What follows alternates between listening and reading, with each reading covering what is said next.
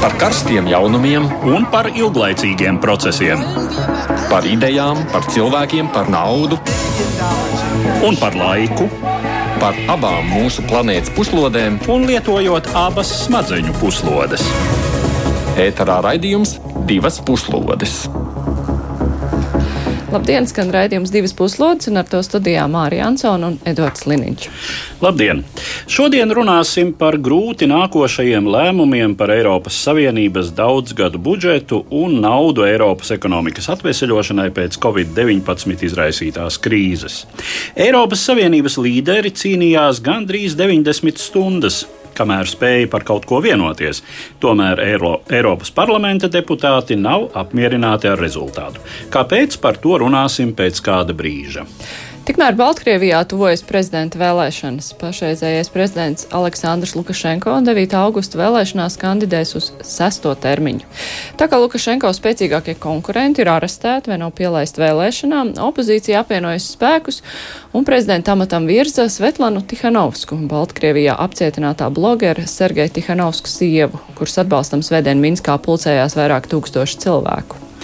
Raidījumā pievērsīsimies arī prezidenta vēlēšanām ASV, līdz kurām atlikuši trīs ar pus mēneši. Cīņa starp pašreizējo prezidentu Donaldu Trumpu un viņa konkurentu, demokrātu kandidātu Džo Baidenu, kļūst ar vien sīvāka. Kopā ar mums studijā ir Rīgas Stradeņu universitātes pasniedzējs Māris Ančāns. Labdien! Labdien! Bet sākam kā parasti ar ziņām īsumā. Cerīgas ziņas saistībā ar vakcīnu pret covid-19. Divas izstrādes stadijā esošas vakcīnas pret jauno koronavīrusu klīniskos izmēģinājumos ir bijušas drošas cilvēkiem un radījušas spēcīgu imunitāti. Par to pirmdien paziņoja ārsti. Vakcīnas izstrādājušas Lielbritānijas Oksfordas Universitāte kopīgi ar farmācijas kompānijas AstraZeneca. Tikmēr arī Brazīlijā otrdien tika uzsākta Ķīnā izstrādātas Covid-19 vakcīnas pēdējā izmēģinājuma stadija, un brīvprātīgie saņēma pirmās šīs vakcīnas devas. Vakcīna, kuru izstrādājusi privāta Ķīnas farmācijas firma Sinovac Biotech, kļuva par pasaulē trešo vakcīnu, kurai ir uzsākti trešās fāzes klīniskie izmēģinājumi. Tas nozīmē lielu mērogu izmēģinājumu ar cilvēkiem, kas ir pēdējais solis pirms regulātoru sniegta apstiprinājuma. Pēc tam, kad Izrēlā ar jaunu sparu uzliesmoja saslimšana ar covid-19 un valdība ievies jaunus ierobežojumus, valsti pārņēmuši protesti. Demonstrācijas, kurās iedzīvotāji pauž neapmierinātību ar valdības stratēģiju cīņā pret koronavīrusu un ekonomiskās situācijas pasliktināšanos, notikušas visās lielākajās valsts pilsētās. Pandēmija ir nodarījusi lielu kaitējumu Izraels ekonomikai, kas redzams bezdarba rādītājos. Bez darba šobrīd jau ir vairāk nekā piektā daļa iedzīvotāja, lai gan pirms pandēmijas bezdarba līmenis bija zem 4%. Izraela sākotnēji ļoti veiksmīgi cīnījās ar covid-19 izplatību un pat tika minēta kā piemērs šai ziņā, tomēr tagad infektologi kritizē valdību, ka tā pārāk ātri atcēla ierobežojumus. Otradien publicēts Lielbritānijas parlamenta izlūkošanas un drošības komitejas ziņojums par Krievijas iejaukšanos valsts politikā, kurā valdība kritizēta par nespēju pietiekami izpētīt Krievijas iespējamo iejaukšanos. Ziņojumā secināts, ka Krievija apvienoto karalisti saredz kā vienu no saviem svarīgākajiem mērķiem rietumos, un Krievijas ietekme Lielbritānijā ir kļuvusi par jauno normālo situāciju. Dokumentā pausts aicinājums nekavējoties rīkoties, lai palīdzētu izlūkdienestiem vērsties pret šo ļoti spēcīgo pretinieku. Komitejas ziņojumā runāts gan par dezinformācijas kampaņām, kibertaktiku, kā arī Krievijas pilsoņiem, kuri pārcēlušies uz Lielbritāniju. Krievijas opozicionāra Aleksēna Navaļnī izveidotais korupcijas apkarošanas fonds tiesas piespriesto milzīgo naudas sodu dēļ likvidēts. Tiesvedību aizsāka uzņēmums Maskovski Škoļņi, kas tiek saistīts ar uzņēmēju Jevgeņiju Prigožinu. Mēdījos šis uzņēmējs ticis pie palamas Putina pavārs. Navaļnīs nesaskata iespēju savākt tiesas piespriesto sodu gandrīz pusotra miljonu eiro apmērā un fondu likvidē, bet pats un fonda juristi gatavi dzīvot ar nobloķētiem kontiem līdz Putina ēras beigām. Tomēr viņš ir gatavs izveidot citu organizāciju slēgtā fonda vietā. Portugāles Gulbenkiana fonds Zviedru klimata aktīvistei Grētai Thunbergai piešķīris cilvēces balvu un 1 miljonu eiro. 17 gadus vecā aktīviste balvu saņem par savu cīņu pret klimata pārmaiņām un ekoloģisko krīzi. Thunberga ir pirmā balvas saņēmēja un izraudzīta starp 136 kandidātiem no 43 valstīm. Viņa paziņoja, ka nauda caur viņas fondu tiks ziedot organizācijām un projektiem, kas strādā, lai cīnītos pret klimata pārmaiņām un ekoloģisko degradāciju.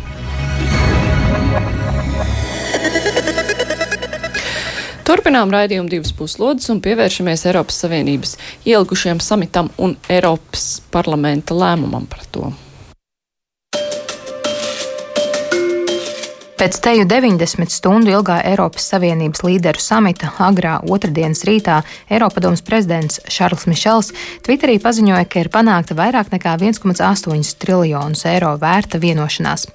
Pēc ilgām un smagām sarunām visu 27 valstu līderi atrada kompromisu, lai vienotos par Eiropas Savienības atjaunošanas fondu izveidi un nākamo daudzgadu budžetu, iekļaujot arī strīdīgo jautājumu par likuma varas ievērošanas sasaistīšanu ar Eiropas Savienības fondu līdzekļu līdzekļu izmaksāšanu.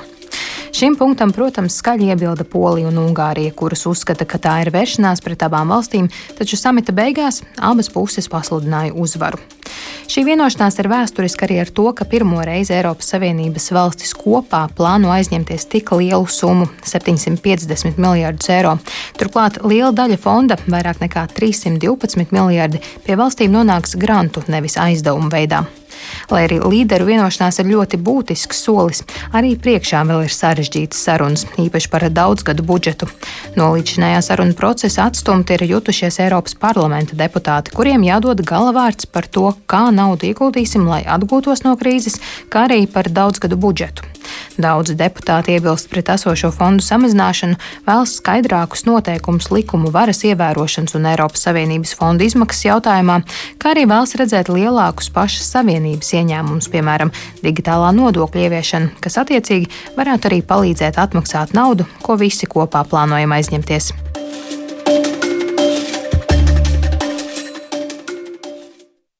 Mhm. Mēs esam telefoniski sazinājušies arī ar organizācijas Eiropas kustība Latvijā vadītāju Andri Gobiņu. Labdien, Gobiņa kungs, vai jūs Labdien. dzirdat mūs? Jā, un arī Eiropas parlamenta deputāti Inesi Vaideri. Sveicināt, Vaiders kundze, vai jūs mūs dzirdat? Labdien, jā. Jā, pastāstiet lūdzu, kas nu pat ir noticis Eiropas parlamentā, kādi, kādas bija debates un kādi lēmumi ir pieņemti saistībā ar šo te atvesaļošanās plānu un daudzgadu budžetu?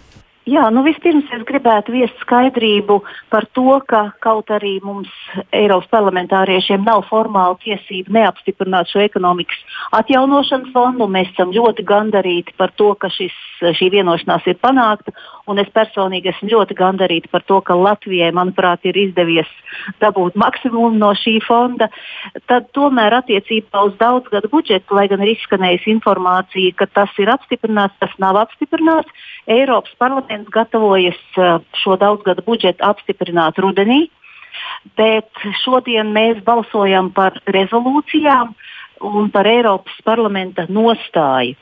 Tātad, ko mēs uh, tur pasakām? Mēs pasakām, nu, apsveicam šo mm, šo, šo atvesļošanās fondu, bet mēs arī pasakām, ka daudzgadu budžets tomēr mums īsti pieņemams uh, nav, jo mēs esam upurējuši, būtībā padomi ir upurējusi vairākas labas lietas.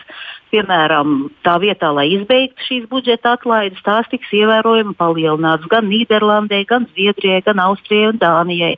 Nu, būtībā, lai nopirktu šo valstu piekrišanu ir krietni mazāks pieaugums nākotnes prioritātēm, zinātnei, pētniecībai, veselībai, digitālām tehnoloģijām. Mēs, Eiropas parlaments, vēlējāmies lielāku pieaugumu. Ir samazināts atbalsts uzņēmējiem no InvestEU fonda, un šis jaunais uzņēmumu maksātspējas atbalsta instruments ir likvidēts vispār arī tiesiskuma mehānisms ir vājāks. Nu, tātad, eh, tās ir lietas, ar ko mēs neesam apmierināti, bet noteikti mēs esam apmierināti ar to, ka trešdaļa uh, budžeta tiks izlietota zaļajiem mērķiem. Nu, es domāju, ka jā, pirmais balsojums, kas pašlaik ir noslēdzies, tas ir par šo rezolūciju, par mūsu viedokli uh, un par grozījumiem tajā. Gala balsojums par rezolūciju tagad turpinās, un mēs uh, pēc dažām stundām uzzināsim, kāds būs rezultāts. Es domāju, ka mūsu rezolūcija, uz kuras pamata mēs uh, veiksim sarunas ar prezidējošo valsti, tātad Vāciju, es domāju, ka tas tiks pieņemts ar lielu balsu vairākumu. Nu, es prognozēju, ka arī daudzgadu budžets tiks pieņemts ar lielu balsu vairākumu. Rudenī. Bet parlaments cer, ka tas būs jau korģētā veidā.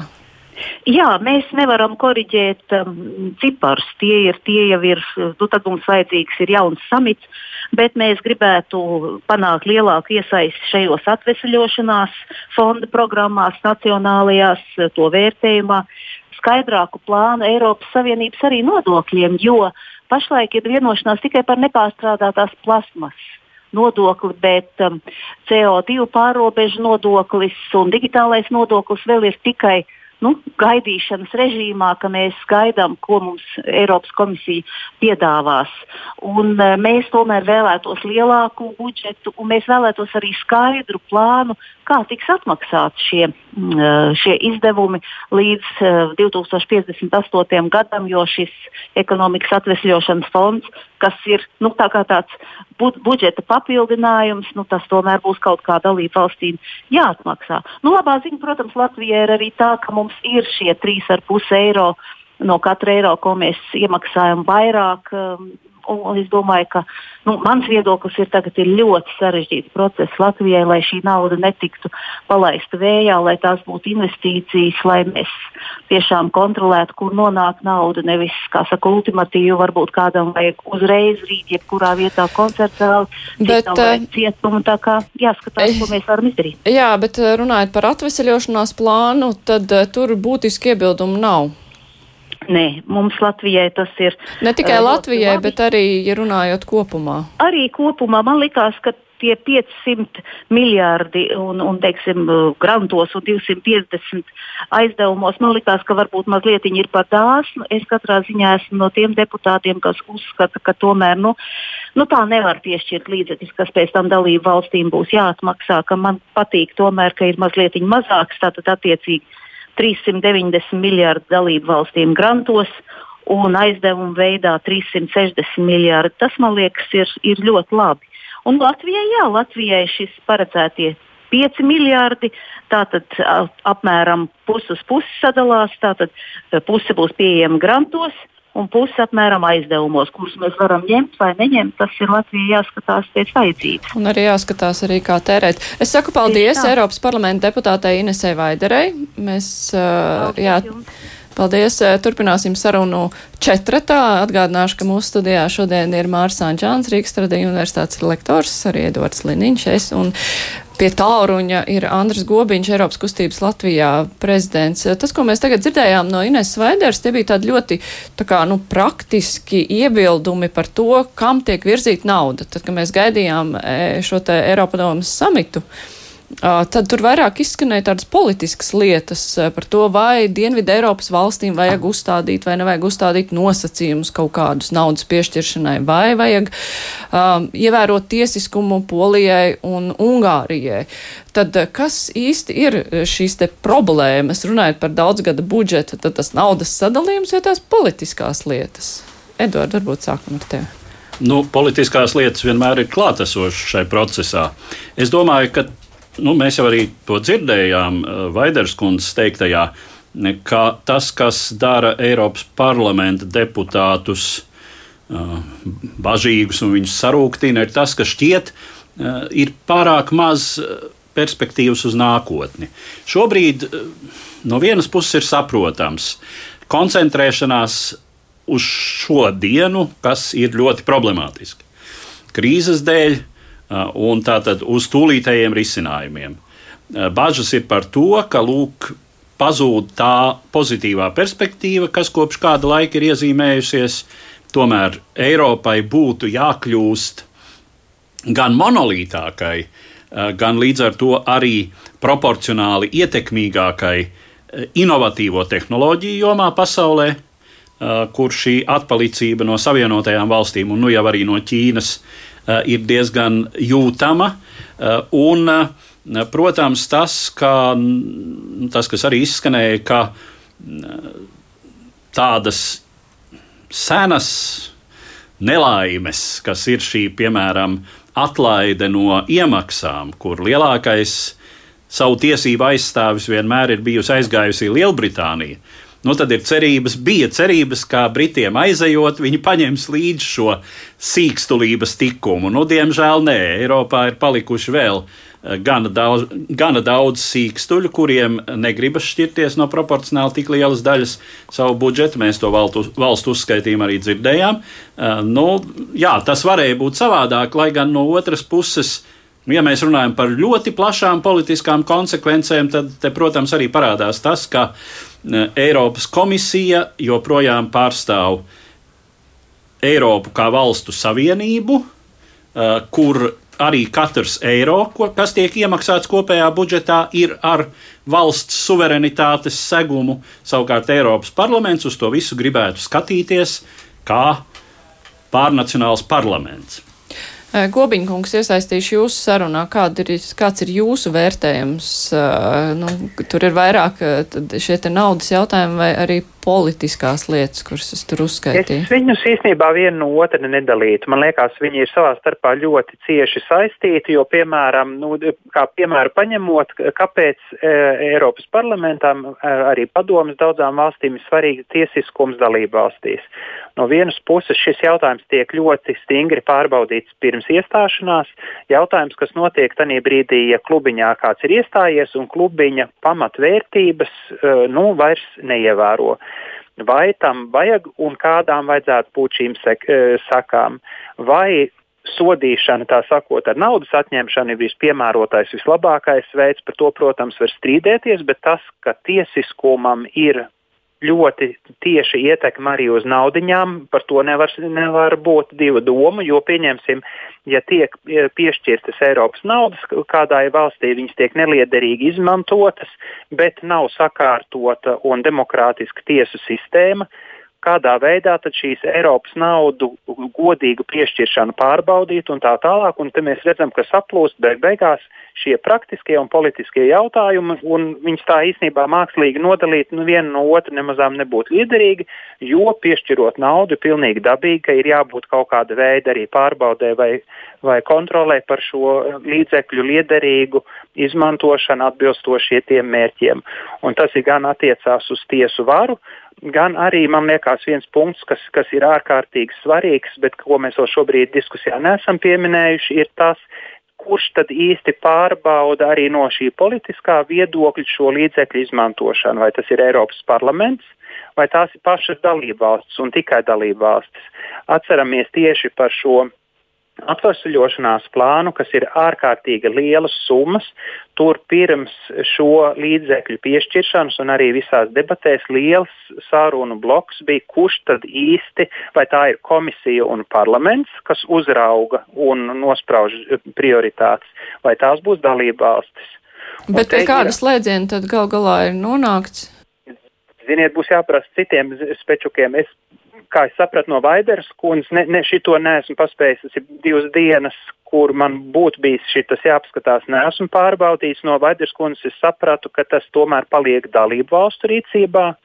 Un tā tad ir savā ziņā diezgan liels atsitiens Eiropas sadarbībai kopumā, jo jautājums, vai ir Eiropas komisija, kas rada šīs Eiropas kopējās intereses, vai ir katra dalībvalsts, kas velk deķīt uz savu pusi un, un mēģinās pēc tam vēl kaut ko tur pamainīt, kādam nepiešķirt, kaut ko tur uh, apstrīdēt un, un atkal samazināt. Šie riski ir daudz lielāki tajā brīdī, ja tas ir tīrs dalību valstu jautājums.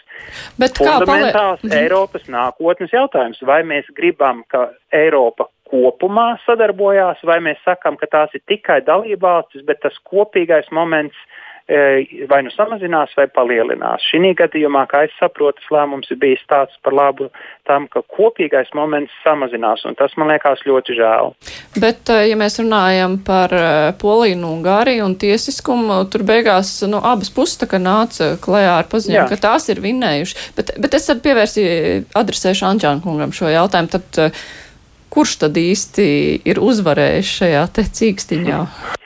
Eiropas Savienības gaiteņos, un ne tikai tur ir tāds teiciens, ka labākais kompromiss ir tāds, ar kuru visi ir vienlīdz neapmierināti. Nu, šī arī izskatās pēc tādas situācijas, ka uh, visi gribēja vairāk, gan dalībvalsts, gan arī Eiropas parlamenta deputāti, cits ieinteresētās puses, bet nu, visiem nācās uh, daudz vietu piekāpties. Un, un kas attiecās uz Poliju, uh, Ungāriju, nu, tad tiešā veidā, cik var saprast, šī norāde nav, jo tehniskās detaļas vēl tiek izstrādātas, līdz ar to viss ir, tā teikt, vairāk vai mazāk neapmierināti. Un uh, Eiropas Savienība dzīvos, kas ir um, nu, arī svarīga atziņa. Uh, jo, kad pandēmijas kontekstā sākās visas šīs diskusijas, tad tāda sajūta bija, ka dalībvalsts ņēma virsroku, slēdza eh, robežas, pašas ievies dažādas ierobežojumus. Tad tagad var redzēt, ka Eiropas Savienība ir atguvusies ar jaunu elpu. Uh, Gobiņa kungs gribēja papildināt es gribēju pateikt, ka, ka īstenībā jau šī gadījumā visi sev svinēja, un tā ir tāda drusku varbūt tradīcija, visi sev svinēja kā baigos uzvarētājus. Gan Polija, gan Ungārija, gan Merkel, visi bija uzvarētāji.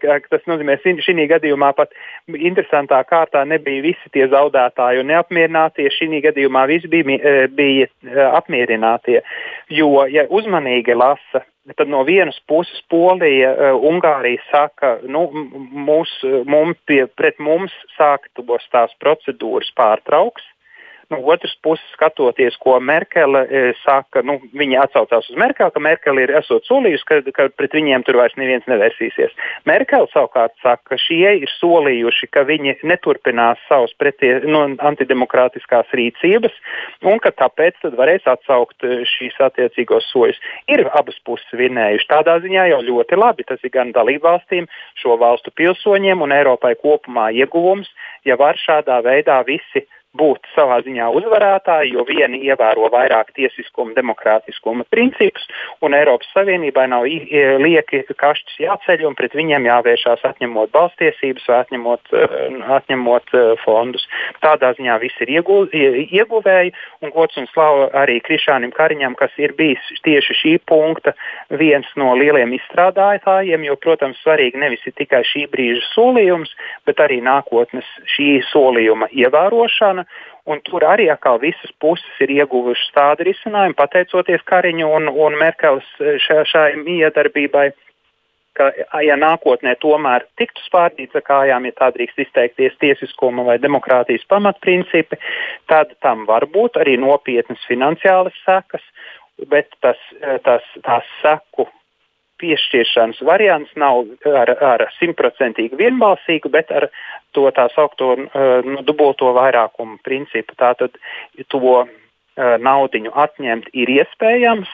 Tāpēc ir priecīgi tie, kuriem tiesiskums un demokrātija ir uh, svarīgi.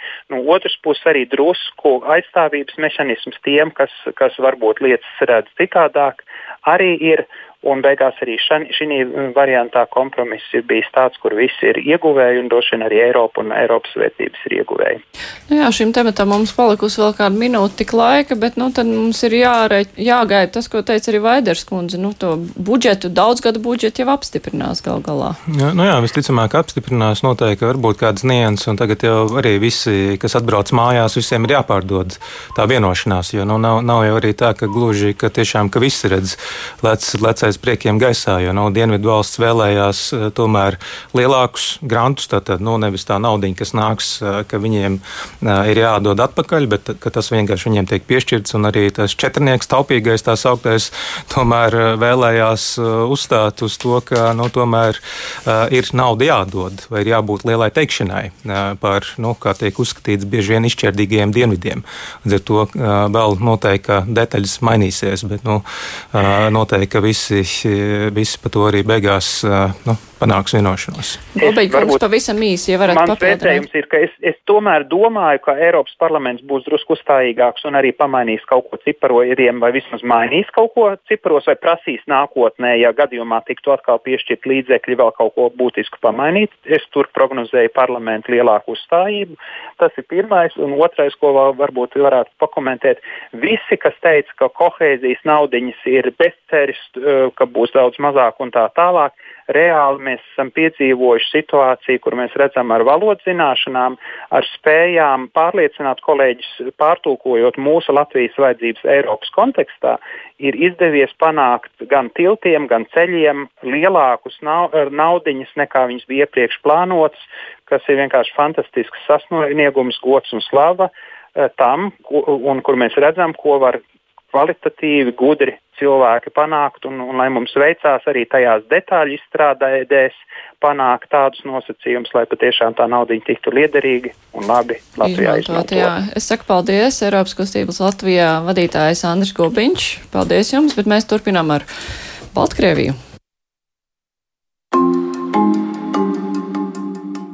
Kārtējām prezidenta vēlēšanām Baltkrievijā jānotiek 9. augustā, un saskaņā ar režīmu plānu tām jābūt vien kārtējam Vladimiru Lukašenko varas leģitimācijas rituālam.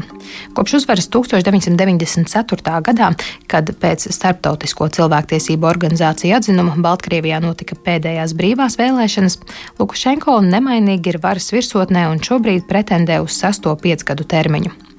Tomēr priekšvēlēšana process nesis ilgadējam vadonim vairākus nepatīkamus pārsteigumus, kas likuši runāt par iespējamu viņa varas beigu sākumu. Pirmkārt, jāmin banķieris, Belgazprom banka valdes priekšstādātājs kopš 2000. gada Viktors Babariko. Finansists un mecenāts paziņoja par savu kandidēšanu maija vidū, mēneša laikā savācot apmēram pusmiljonu atbalstītāju parakstu, kas ir absolūts opozīcijas kandidāta rekords Baltkrievijas prezidenta vēlēšanu vēsturē. 11. jūnijā Baltkrievijas valsts kontrole sāka izmeklēšanu pret Belgazprom banka vadību par izvairīšanos no nodokļu nomaksas, noziedzīgi iegūtu līdzekļu legalizāciju un kukuļdošanu, tas viss lielos apmēros. 18. jūnijā tika arestēts pats Babāriko un viņa dēls un priekšvēlēšana štāba vadītājs Eduards. Arestēti pavisam 20 bankas esošie un bijušie darbinieki un ar izmeklēšanu nodarbojas valsts drošības komiteja. Kā galvenā krimināla lietas epizode tiek minēta vairāk nekā 430 miljonu dolāru aizpludināšana no Belgazprom banka uz kādu no Latvijas bankām. Babariko arests izraisījis plašas demonstrācijas Minskā un citur. Otrs esošā prezidenta konkurents, kuru arī vara neutralizējusi ar kriminālu vajāšanas līdzekļiem, ir populārais blogeris no Gomeļas Sergejs Tikhanovskis. Viņš atrodas ieslodzījumā kopš 29. māja, kad tika aizturēts piketa laikā, un 1. jūlijā viņam tika piespriests 15 diennakšu arests par nepakļaušanos milicijas darbiniekiem. Pret Tihanovski ierosināts vairākas krimināllietas, un jūnijā notikušajā kratīšanā viņa mātes vasarnīcā it kā atrasti 900 tūkstoši dolāru. Tieši Tihanovskis radījis opozīcijas kampaņas tēlu, kas nepatīkami aizskara prezidentu Lukašenko, ūsaino tarakānu, ar kuru beidzot jātiek galā, noklapējot ar čību. Pašreizējie protesti Baltkrievijā jau nodēvēti par čību revolūciju. Kad kļuva skaidrs, ka arestētājiem Tikanovskim nebūs iespējas balotēties, savu kandidatūru vēlēšanās pieteica viņa sieva Svetlana Tikanovska. Vēl vienu spēcīgu opozīcijas kandidātu bijušo diplomātu Valēriju Cepkalo vara atsījāja ar ierasti banālo paņēmienu, atzīstot par nederīgiem daļu no viņa savāktiem parakstiem. Pēdējais pavērsiens šai sāgā ir paziņojums par vadošo opozīcijas kandidātu spēku apvienošanu Svetlanas Tihanovskas atbalstam. Par ikonisku jau kļuvusi fotografija ar trīs dāmām, kuras uzdrīkstējušās stāties pretī Baltkrievijas diktatoram - prezidenta kandidātu Svetlanu Tihanovsku, Valēriju Cepkalo sievu Veroniku un Viktoru Babariko priekšvēlēšanu štāba pārstāvi Mariju Koļešņikovu.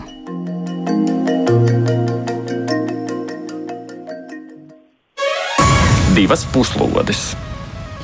Jā, šajā diskusijas sadaļā mēs esam telefoniski sazvanījuši, sazinājušies ar Austrum Eiropas politikas pētījumu centra pētnieci Be Beāti Libdansku. Labdien! Labdien! Jā, Mārs Anģāns joprojām ir mūsu studijā, bet runājot par, par Lukašenko, kurš savus spēcīgākos kandidātus vienmēr ir nobīdījis jau tā tradicionāli pie malas, nu šīs vēlēšanas šeit ziņā taču neko neatšķiras. It kā nē, bet uh, kandidāti kļūst nu, šajās vēlēšanās ir Baltkrievijas diktatoram nērtāki. Nu, pirmkārt, te tiešām ir runa par Babariko kungu, kurš tas ir interesanti. Ir, šīs Belgazprom banka īpašnieks faktiski ir Maskavas, ir Krievijas gāzes rūpniecības gigants Gazprom. Un Babariko ir Gazprom cilvēks. Un te iezīmējas arī tās interesantās attiecības, kādas ir Minskai un Maskavai par iespējamo ciešāku saplūšanu vienotā valstī, par to, kurš tad šai valstī būs kādā lomā un tam līdzīgi. Un tas, ka šis kandidāts nu, nepārprotami guva lielu sabiedrības atbalstu. Un, nu, teiksim, tas nav kāds no Baltkrievijas tādu ierasto politisko tendenci viedokļa skatoties, tāds margināls, kāds mm, nu, par Eiropas vērtībām sasapņojies liberālis. Ja? Tas ir, tas ir īstenis teiksim, ekonomiskās elites pārstāvis, pie tam orientēts vairāk uz austrumiem nekā uz rietumiem. Nu, un arī pārējie kandidāti. Nu, tas, tas, teiksim, ja bijušais diplomāts pāriet tā sacīt opozīcijas nometnē, faktiski jau tā opozīcija, mēs redzam tādu tendenci, ka ar šo nu, tādu masīvo spiedienu un šo valsts aparāta resursa darbināšanu, opozīcijas kandidātu aizvākšanai, ir panākts tas, ka apvienojas spēki, nu, kuri diezin vai būtu apvienojušies citos apstākļos. Jo nu, teiksim, platformas un droši vien arī ambīcijas un vispār dzīves redzējums tādam pašam Babariko ir, es domāju, krietni atšķirīgs no, piemēram, blogera Tihanovska. Likdāns kundze, kā jums šķiet, ar ko ir īpaši šīs vēlēšanas, ja jūs varat papildināt? Um, jā, šīs vēlēšanas noteikti. Uh, ir uh, zīmīgas ar to, ka kandidē, uh, ka šie alternatīvie kandidāti, ja varam viņus tā saukt, uh, tie ir cilvēki, kas nav pietuvināti, uh, kas nav pietuvināti politiskajai elitei, iespējams, pirms tam nav bijuši tai pietuvināti. Uh, tas, ko, ko šobrīd, uh, tas, ko šobrīd redzam sabiedrības noskaņojumā šo vēlēšanu sakarā, ir tas, ka uh, Uh, sabiedrība ir noilgojusies pēc pārmaiņām, sabiedrība vēlas pārmaiņas, uh, kas nozīmētu atteikties no šī Lukašenko režīma un kaut ko mainīt, ne tik ļoti teiksim, skatā uz rietumiem vai varbūt uh, uz Krievijas pusi, bet gan drīzāk atbrīvoties no šī Lukašenko režīma. Uh, to mēs redzam arī šajā sabiedrības uh, protestu, protestu mobilizācijā. Uh, un kas attiecas, protams, uz šo te uh, trīs štābu apvienošanos, uh, Tihanovskas atbalstam, uh, tad uh, tiešām, kā Liniņa kungs minēja, nekad iepriekš nekas tāds nav novērots. Uh, kas, uh, un kas vēl šajā visā ir zīmīgi, tas, ka pati Svetlana Tihanovska neapgalvo, ka viņa vēlas kļūt par prezidenti. Viņa gluži vienkārši vēlas būt persona, uh, Uh, kas vadīs šo varas tranzītu. Jo, ja zinām, tad šie, šī štāba apvienošanās ir izvirzījusi tādus punktus kā politieslodzīto un ekonomiski ieslodzīto atbrīvošana. Un jaunu vēlēšanu rīkošana Baltkrievijā ar iespēju piedalīties visiem alternatīviem kandidātiem godīgās vēlēšanās, lai nodrošinātu šo varas tranzītu. Un tas arī ir ļoti īpašs moments. Bet kāpēc tieši Tihanovs Kančānkungs? Jā. Šī tāpēc, ka viņas vīrs arestēts tika blogeris arī kā pieteikumā tika stāstīts, un nu, tāpēc viņi kļūst par tādu nejaušo kandidātu. Un, un, un skaidrs, ka atbalsts ir, bet nu, es domāju, nevajadzētu arī saka, pārsteigties ar secinājumiem, jo ir ļoti grūti nu, saprast līdz galam situāciju Baltkrievijā pašā. Pilnīgi skaidrs, ka nu, divas lietas ir citādākas nekā iepriekš. Viens ir pandēmija, Covid, no kuras Baltkrievija ir arī pamatīgi cietusi, kas ir noteikti mazinājis atbalstu Lukašenko. Cik tālu nu, to ir grūti pateikt. Nu, ļoti jā, jāpiesargājas droši vien ar internetu aptaujām, kur Lukašenko Lukašenko atbalsta mazs viensipērs skaitlis, diez vai tā situācija ir tik kritiska viņām, nu, tad, tad lietas varētu būt sarežģītākas. Otra lieta ir ārpolitiskā situācija, jo nu, iepriekš, iepriekš daudzus gadus Eiropas Savienība uzturēja sankciju režīmu, tas kurs tika mainīts pāris gadus atpakaļ, un tāpat arī šogad uh, ieradās Maiks Pompeo, ASV valsts sekretārs, jeb ārlietu ministrs Minskā, kas saka, nu, mēģinot Baltkrieviju uh, iegūt um, kā tādu kā pretpolu uh, cīņā ar Krieviju un, un iespējams arī ar citām valstīm. Līdz ar to tas fons ir citādāks, vēlēšanas ir interesants, bet rezultāts droši vien būs tāds pats, kā tas bija iepriekš jau nu, divus desmit gadus. Bet tajā pašā laikā šie mērķi, ko Livdāns kundze minēja par eh, varas tranzītu, par jaunām vēlēšanām, politieslodzīto atbrīvošanu, tas eh, kaut kā ir sasniedzams, Lininka? Nu, tas nav sasniedzams pilnā mērā, kamēr Aleksandrs Lukašenko ir pie varas. Eh, tas, kas varbūt var notikt, nu, piemēram, runājot par politieslodzītajiem un sevišķi par mm, šobrīd ieslodzītajiem kandidātiem, Eh, tad iespējams tie sodi nebūs drakoniski. Ja? Vai tik drakoniski, cik tie varētu būt. Uh, nu, uh, iespējams, kaut kāda zināma mīkstināšana no tad jau vēlēšanās uzvarējušā prezidenta puses varētu notikt. Lai gan nu, tas ir tā pieļāvuma līmenī.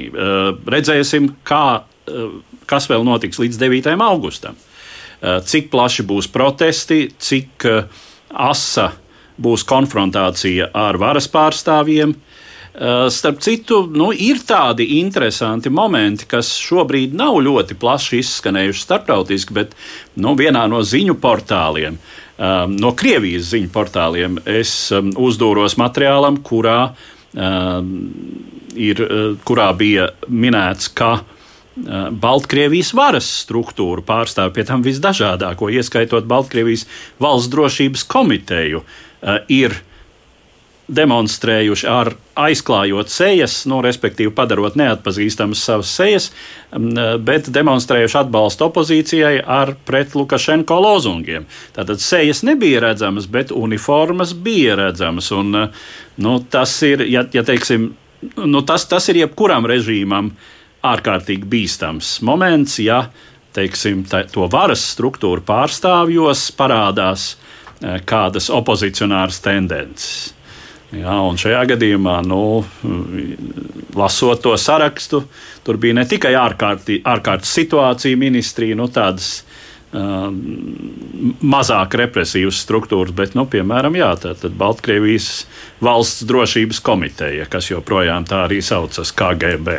Bet tas, ko minēja Anģēnkungs par šo te nu, atšķirīgo ārpolitisko fonu, to, ka nu, tomēr kā, nu, ASV tajā skaitā gribētu redzēt, lai Baltkrievija novēršās no Krievijas, lai ir kaut kāds pretsvars Krievijai. Tas kopumā šī situācija tad Baltkrievijas demokratizācijai palīdz vai tieši otrādi palīdz Lukašenko, Livdāns Kunds, kā jums izskatās? Um, šī sadarbība ar Amerikas, um, ar Amerikas Savienotajām valstīm, uh, uh, pirmā vēstnieka iecelšana Baltkrievijā un arī otrādi 12, pēdējo 12 gadu laikā Tas ir tāds ļoti interesants un strateģisks solis. No vienas puses mums ir Eiropas Savienība, kas šobrīd pēc tā, kā rīkojas Lukašenko ar, ar šo vēlēšanu procesu, ir izteikusi jau savu neapmierinātību, ka varētu tikt atjaunots sankciju režīms pret Baltkrieviju. Un tāpat laikā mums ir Amerika, kur ir parādījusi, ka jā, mēs esam gatavi, ka mēs esam gatavi sadarboties. Un, līdz ar to ļoti iespējams, ka tieši šis arī pavērs to iespēju, kur Lukašenko varētu skatīties uz to, ka jā, mums var būt tirgus arī Amerikā, jo, ja redzam, tad arī šobrīd uh, ir pienākuši jau divi naftas tankuģi no Amerikas Savienotajām valstīm. Uh, jautājums, protams, par to, kā Lukašenko šo izmantos. Iespējams, ka tas ir vēl viens uh, instruments. Uh, sarunām ar Maskavu, lai panāktu izdevīgas gāzes un naftas cenas. Uh, bet, uh, protams, tas arī ir jāskatās un jāvērtē laika gaitā, un it sevišķi pēc 9. augusta. Jā, Ančānkungs, ja varat papildināt, vai tas šī te, nu, tāda saudabīgā draudzība ar amerikāņiem vai Lukašenko stingrē rokai nāk par labu, vai tomēr viņam būs jāmainās? Nu, es saku, drīzāk par labu Lukašenko tas nāk, jo, nu, zinām, bija strīds ar Krieviju par naftas piegādēm, tad ASV varētu būt kā alternatīva, bet, nu, diez vai ASV spēs būtiski ko mainīt. Visdrīzāk, ja no ārējiem spēkiem, tad Krievija kaut ko var patiesi mainīt Eiropas Savienībai. Redzējām, negāja īpaši labi ar sankciju režīmu.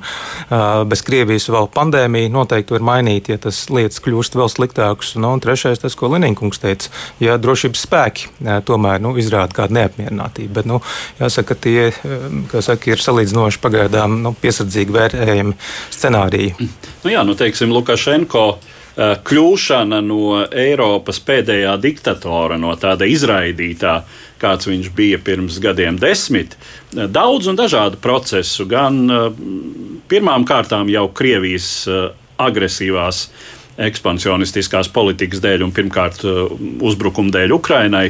Eh, bet arī citu faktoru ietekmē. Tur ir Trumpa faktors, nenoliedzami arī klātesošs. Nu, viņš ir kļuvis par tādu kā mūsu laiku Josipu Brozu Tito, savulaik eh, Socialistiskās Dienvidslāvijas federācijas līderi, eh, kurš tā kā balansēja starp austrumiem un rietumiem, dodot saviem iedzīvotājiem rietumu dzīves stilu zināmā mērā, bet saglabājot būtībā nedemokrātisku režīmu.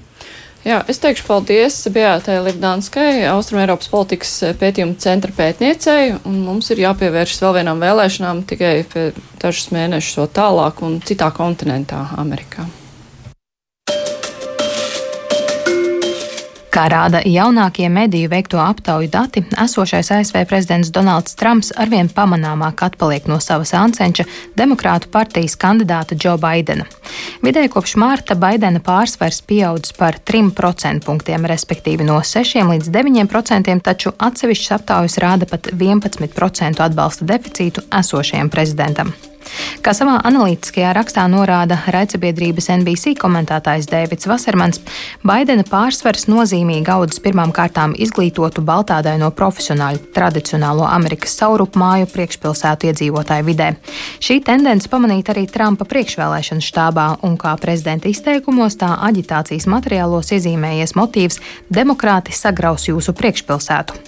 Kādā klipā tēlota kundze gados, kuras mājā iebrūk laupītājs, taču Policija uz kundzes zvaniem neatbild, jo lūk, sliktie demokrāti ir apgriezuši likumsargu budžetu. Tomēr analītiķis pauž šaubas, vai šāda brutāla propaganda būs uzrunājoša samērā intelektuālajiem un tolerantajiem priekšpilsētu iedzīvotājiem. Tāpat Rams zaudēja savu pārsvaru gados vecāko vēlētāju vidū, kas nodrošināja daļu no viņa panākumiem iepriekšējās vēlēšanās. Kā samērā pārsteidzošs fakts tiek atzīmēts esošā prezidenta popularitātes pieaugums Melnādaino un Latīņamerikas izcelsmes vēlētāju vidū, taču tas ir tikai relatīvs pieaugums un abās grupās demokrātu kandidātiem joprojām ir būtisks pārsvars.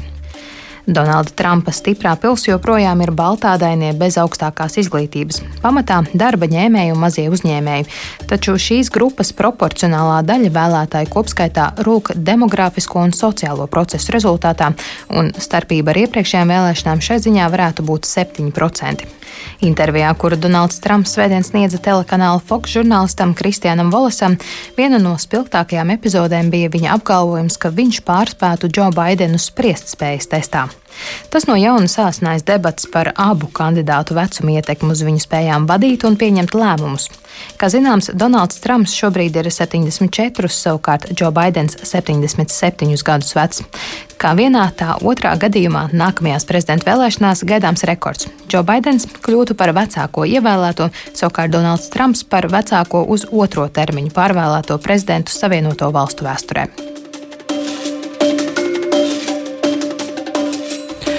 Jā, jā Trumps nesen intervijā Fox News apšaubīja tieši šī kanāla veidotos reitingus. Viņš teica, ka tas ir viltus reitings, bet eh, tad eh, tīri objektīvi Baidenam ir pakāpušies šie popularitātes rādītāji vispārēji. Mm, jā, nu, ir, ir daudz un dažādi reitingi, un, un ir skaidri redzama tendence, ka Baidens pārspēja pēc reitingiem Trumpu par kādiem 10% punktiem. Nu, viņi ir, ir šurpu turpu, bet tā tā vispārējā tendence, kam arī ir ļoti loģisks skaidrojums, tas ir Covid, kas ir arī ASV ir īpaši spēcīgi eh, skāris, īpaši dienvidu štatus. Un tas Trumpam nenāk pa labu. Un, un ASV arī sociālās aizsardzības tīkls ir tāds ļoti plāns, nu, daudz plānāks nekā pie mums. Un, attiecīgi, arī bezdarba rādītāji ir auguši, un no, ekonomika arī ne, neiet diezko labi. Jo, jo pirms tam varēja vēl norakstīt šīs lietas uz, uz dažādiem ārējiem apstākļiem. Tāpat arī ekonomika bija labā stāvoklī. Nu, šobrīd tās lietas neizskatās labi. Bet arī sakot to visu, jāsaka, ir jābūt arī nu, pacietīgiem vēl laiks. Tāpat kā ir lietas, kas var mainīties. Un viena no lietām - vakcīna pret covid, kas var Trumpu izglābt arī daudzajā ziņā. Un tāpat mēs nekad nezinām cik cilvēki aizies uz vēlēšanām, vai lielai daļai tas nebūs jādara pa pastu, un, un daudz kas vēl var notikt. Tāpēc nevar vēl tā droši teikt vienā vai otrā virzienā. Jā, nu tam droši vien var piekrist. Tāpat kā arī Anģēna kunga teiktajam, ka nu, Covid ir tas iespējams nopietnākais konkurents pašreizējam prezidentam. Bet nu, tas tāpēc, ka viņš tā noliedz problēmas nopietnību, tur. Jā, nu visas viņa tur... reakcijas mm. un viņa izteikumi un dažādi pekstiņi, ko viņš tur stāstīja, tos viņam pastāvīgi atgādina.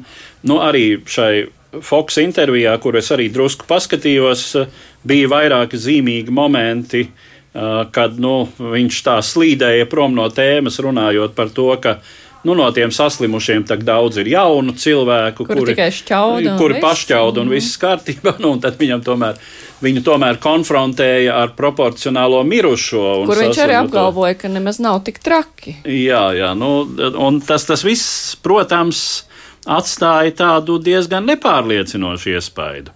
Uh, nu, tas, kas, teiksim, manuprāt, uh, liek vērtēt Trumpa izredzes tiešām Eh, diezgan, nu, ja ne skeptiski, tad piesardzīgi, ir tas iepriekšējo vēlēšanu rezultāts, kur mēs atceramies, ka viņa uzvara nu, faktiski bija pat nevar teikt par mata tiesu. Tas bija vienkārši tāpēc, ka šais, šais, eh, šai vēlēšanu sistēmai Amerikas Savienotajās valstīs ir eh, izteiktas īpatnības. Ja tā būtu normāla proporcionālā vēlēšana sistēma, tad uzvarētu Hillary Clintone. Uh, Uh, tagad tā tas nav. Uh, un, uh, nu, vēl viens faktors, kas es pieļauju, ka nospēlēs, un, un tas, kas ļoti daudziem varbūt arī nepatīk ja, šai brīdī, ka abi kandidāti ir gados veci ļaudis, un mēs runājam par demences iespēju un tā tālāk. Bet mm, nu, Trumpam pretī tika nolikts apmēram tāda paša vecuma, pieredzes, Uh, reputācijas kandidāts, nu tikai ar citu politisko ievirzi. Tāds izteikti antitrumps. Tātad tā vairs nav sieviete, tas vairs nav tomēr melnādainais, tas nav jauns cilvēks, tas ir tikpat vecs. Vietas Amerikas politiskajā sistēmā tikai ilgi rūdīts tikai no, no pretējās mm. partijas, un ar krietni citādiem uzskatiem. Protams. Nu jā, bet ja, bet ja Covid ir bijis iemesls, kāpēc Trumpa popularitāte ir kritus, tad Baidena pienesums, uh, nu, tas, kā viņš komunicē visu, ir uh, tieši otrā tas, kas viņam ir devis plusus, jo Trumps jau arī labprāt atgādina, ka Baidens ir tur bunkurā nosēdējis un slēpies. Nu jā, nu viens ir, protams, ka kādā stāvoklī ir ekonomika, nu, to cilvēki jūt, cilvēki bieži vien balso, balstoties uz savu maciņu biezuma. Skaidrs, ka tas maciņš kļūst biezāks daudziem amerikāņiem, un var redzēt, ka tie ierobežojumi tomēr bija nepieciešami. Iepriekš Trumps nu, izteicās diezgan ievājoši, kā jau mēs apspriedām. Tad nu, pēdējā laikā arī sācis masku valkāt, gan vienreiz slimnīcā bija redzams ar masku, gan arī preses konferencē izvilkt no kabatas masku. Un aicina vilkt maskas. Jā, un to pat, jā, pat dēvē kā patriotisma pazīmi. Līdz ar to arī tons ir skaidri mainījies. Tālāk skaidrs, ka būs debats debats vēl priekšā debatēs, nu, ja viņas būs klātienē vai arī neklātienē, var prognozēt, ka Baidenām diezgan plāni klāsies, jo Trumps ir ļoti labs runātājs. Arī iepriekš pret Hillary Clintoni uh, bija nu, pāris lietas vai par ēpastiem uz privātā servera vai par citiem jautājumiem, ko ļoti veikli izmantoja. Un savukārt Trumpam tās lietas nelīp klāt. Uh, nu, ir, ir visādi stāsti zināms, ko viņš ir sarunājis, ko viņš ir sadarījis savā dzīvē. Un, uh, un viņš gan nekautrēsies vilkt ārā arī par Baidenu lietas dažādas. Gan uh, par viņa nu, daudz desmitgažu laikā veiktiem balsojumiem kongresā, par, par rasu segregācijas jautājumiem, to starp gan arī par apsūdzībām pret Baidenu, par uzmakša, uzmākšanos, kādas, kādas situācijas ir bijušas, un arī par nu, vecuma ietekmi, kas nu, nereti ir, ir celts laukā, un arī par viņa dēla Huntera darījumiem, nu, gan, gan Ukrainā, gan arī Ķīnā. Līdz ar to tur būs diezgan netīra cīņa priekšā, un ikvienam no mums būs interesanti vērot gan debats, gan arī visas peripētīs ap to. Bet uh, tur pa starp ir vēl iznākusi tā Trumpa radinieces grāmata par Trumpu par to, cik viņš ir eh, psiholoģiski nepiemērots prezidenta amatam un visādi personiskas lietas tur ir vilktas laukā, kā viņš ir krāpies ar eksāmeniem. Nu, mazliet viņa uzreiz atgādina to, kas Latvijā notika ar vienu grāmatu par prezidentu, bet eh, vai tas ir Um, nu, tas eh, sabiedrībā tiek tā nopietni uztverts, vai ne? Sabiedrība ir ļoti sadalījusies ASV, un ir kas, kas ticēs, un ir kas, kas vienkārši neticēs. Un ir Trumpa dedzīgākie atbalstītāji, kur nu, ne, nekas nelīdzēs uz tādiem argumentiem. Un daudz arī nu, gan kongresā, gan arī iedzīvotāji saka, ka nav svarīgi tas, ko viņš saka. Viņiem interesē tas, ko viņš dara. Tāpēc arī daudz pie mums pārsteidz, ka daudz kristieši, īpaši tie dedzīgākie kristieši, balso par Trumpu. Ja Viņš iestājas par uh, lūkšanu atļaušanu skolās, iestājas par abortu ierobežošanu, iestājas pret uh, vienziluma um, attiecību jautājumiem un līdzīgām lietām, kas ir kristiešiem svarīgi. Un turklāt arī, saka, ka Baidens grib slēgt baznīcas. Uh, nu, protams, nu, jā, runa ir par Covid Baidens laiku, bet grib, tas tā. Grib slēgt baznīcas, Baidens un demokrāti grib iznīcināt tradicionālās priekšpilsētas un tā tālāk. Nu, lai gan atkal jāsaka tā, nu, mierīgos laikos droši vien, ja ir atbilstošs tāds sociāls fons, tad ar biedēšanu, ar um, publikas tracināšanu var sasniegt diezgan labus rezultātus. Tad, kad cilvēki nu, nu pat redz jau joprojām tādas reālas briesmas, nu, tad, tad parasti tomēr uh, šādi instrumenti strādā, darbojas sliktāk. Uh, bet uh, vēlēšanas, protams, tas būs ļoti, ļoti interesanti, un es domāju, tieši politikas vērotājiem tas būs interesanti, jo, manuprāt, uh, nu, tā tik izteikti uh, šī sabiedrības noslāņošanās tajos, kuri balso tāpēc, ka tā ir viņu ticība, tā ir viņa izjūta, nevis racionāli argumenti un racionāli spriedumi par to, kā šis cilvēks var vai nevar, ko viņš grib vai negrib un kā tas attiecas uz uh, viņu dzīvi. Uh, tas ir, tas ir, mazāk, uh, tas ir mazāk svarīgi. Šeit svarīgi ir, ka mēs, mēs gribam ar šo cilvēku, acīm redzot, identificēties un identificēties ar šo viņa stilu un pieeju lietām. Un, uh, Un tas ir motīvs. Mums ir eh, pusotra minūte palikusi. Cik liela nozīme būs, kā attīstīsies eh, vardarbība pēc Floyda nogalināšanas? Nu, jo tur īsti mierīgi nav joprojām, bet eh, nu, kā tas viss turpināsies? Jā, nu tas viss turpinās. Šobrīd ASV aktuālākais jautājums ir federālo spēku nosūtīšana uz, uz pilsētām. Viena Portlandu, kur bija protestētāji, nu, jāsaka, diezgan eh, radikāli, kas bija ieņēmuši eh, pilsētas vienu rajonu. Un, un, un šobrīd Trumps jau draudēs vien uz vairāk pilsētām nosūtīt federālos spēkus, respektīvi valsts līmeņi. Jo citādi kā ASV kā federālā valstī, tad ir eh, pavalstīm ir, ir, ir sava vara. Tas kādā veidā veids policijas funkcijas.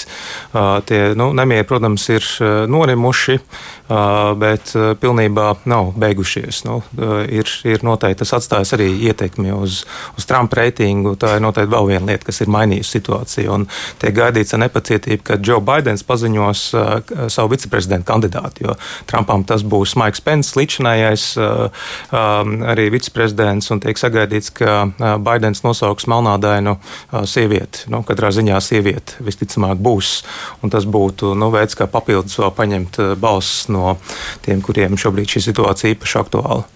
Jā, un katrā ziņā, kā jūs jau sākumā minējāt, ka ir tomēr vēl pietiekoši daudz laika palicis, lai varētu vēl ļoti daudz kas notikt. Tā kā šobrīd zīlēt par to, kāda būs rezultāti, ir pārāk. Es saku paldies. Mūsu studijā šodien bija Rīgas Tradiņu universitātes rektors, uh, Mārs, lektors Mārs Ančāns, tāpat arī Edvards Liniņš un es Māra Jansona. Mēs Šajā pašā studijā tiksimies atkal pēc nedēļas, tikai runāsim jau par citiem tematiem. Vislabāk!